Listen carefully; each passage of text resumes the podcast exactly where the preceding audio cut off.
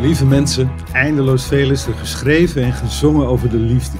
Talloze liedjes, talloze films, talloze boeken. Meest besproken onderwerp in onze wereld. De liefde is geweldig. De liefde is verrukkelijk. De liefde is pijnlijk. De liefde is lastig. Ik vertel je tot nu toe niets nieuws. Waarom de liefde?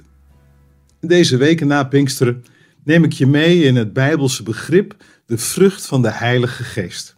Negen woorden, één vrucht.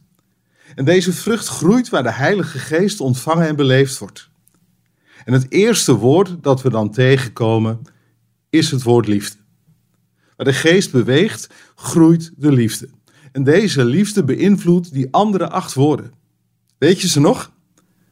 Vreugde, vrede, geduld, vriendelijkheid, goedheid, geloof, zachtmoedigheid en zelfbeheersing.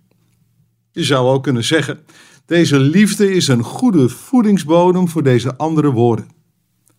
Als we over goedheid praten, dan praten we over liefdevolle goedheid. En dat is iets anders dan goedheid die loopt te pronken met zichzelf. En als we over vreugde praten, dan praten we over liefdevolle vreugde. En ik kan je nu al verzekeren dat het iets anders is dan platte lol. En nu volgt een spoiler alert. De manier waarop de Bijbel over liefde spreekt, staat haaks op de tendens in onze maatschappij. Ik gebruik een klein uitstapje om dat uit te leggen. Het Grieks uit de tijd van de Bijbel kende drie woorden voor dat ene begrip liefde. Het eerste woord is eros. Denk aan erotiek. Dit Griekse woord verwijst naar de erotische liefde, lichamelijke aantrekkingskracht. En natuurlijk heeft seksualiteit alles met liefde te maken. Het wordt juist anders als liefde en seksualiteit losgekoppeld worden. Het tweede Griekse woord is philia. Denk aan een woord als filantroop. Dit Griekse woord verwijst naar de vriendschappelijke liefde. Het heeft alles te maken met de verbondenheid die mensen voor elkaar voelen. Het is prettig om samen op te trekken. Het derde woord is agape.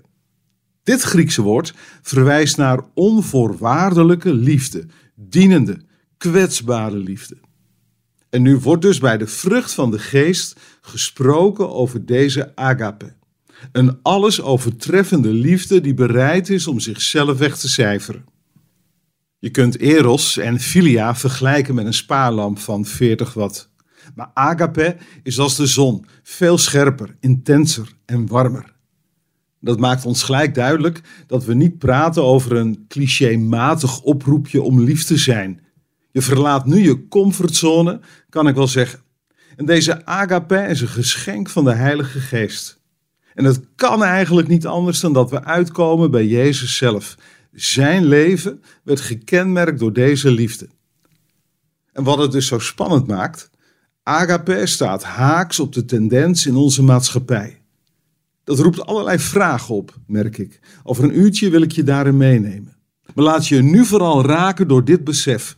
Gods liefde voor deze wereld is een agape-liefde. Onvoorwaardelijk, dienend en kwetsbaar. Hoe bijzonder is dat? Je mag je eraan overgeven. Erop vertrouwen. Dat is geloven.